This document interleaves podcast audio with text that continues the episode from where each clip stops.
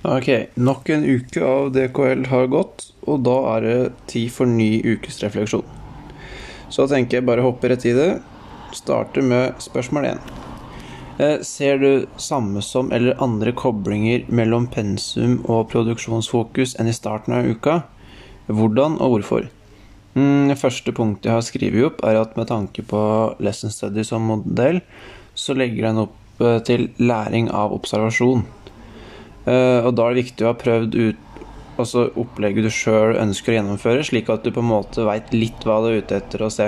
Og så er det på tankemåten tankemåten uh, mot det ferdige produktet du ønsker å fokusere på. Er det det ferdige produktet? Og så, ja Ha litt i baktanke hva du ønsker å finne ut av. Uh, med tanke på den modellen for algoritmisk tenking, som også da ligger ute på UD sin side, så kan elever forsøke å videreutvikle konsept til et bedre sluttprodukt.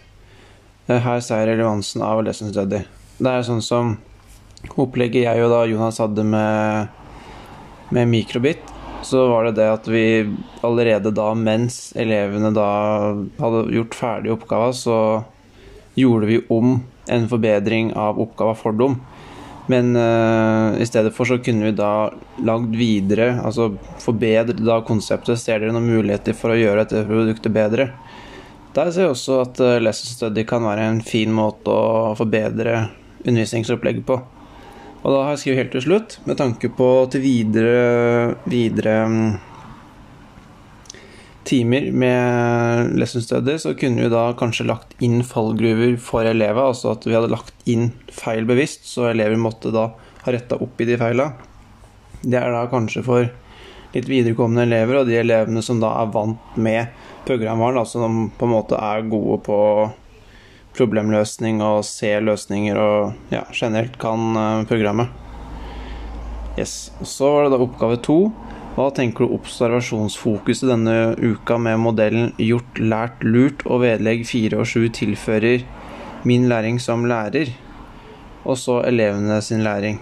Tar jeg først min læring som lærer først.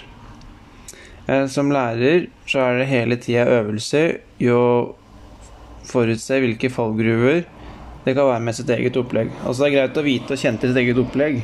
Og om elever har spørsmål, så må vi som lærere ha faglig kompetanse til å, til å veilede elevene. Og nå som vi hadde produksjon denne uka her, det er jo helt nytt tema for oss, så er det i hvert fall viktig å sette seg litt inn i det programmet vi da valgte. Hadde da Simen og Christian spurt om hjelp til mikrobit, og jeg da ikke hadde gjennomført opplegget sjøl og ikke helt visste hvordan kodinga skulle organiseres, så hadde jo det vært Det hadde ikke vært helt bra. Og så er det for uh, elevene sin læring. Um, for elevene sitt tilfelle er det viktig at de får god nok støtte og beskjed til hva de skal gjøre. Sjøl om vi kanskje tror elevene er drevne på teknologi, uh, da i skolen så er det kanskje sosiale medier og etc. de mestrer, og ikke nødvendigvis produksjon og digital kompetanse innenfor ja, hva vi kan se på som skolerelatert teknologi. Mikrobit, det vil jeg da si er skolerelatert teknologi. Og der tror jeg ikke elever på generelle basis har voldsomt god kompetanse. Og Derfor så syns jeg det da er viktig å bruke skjemaene her og planlegge.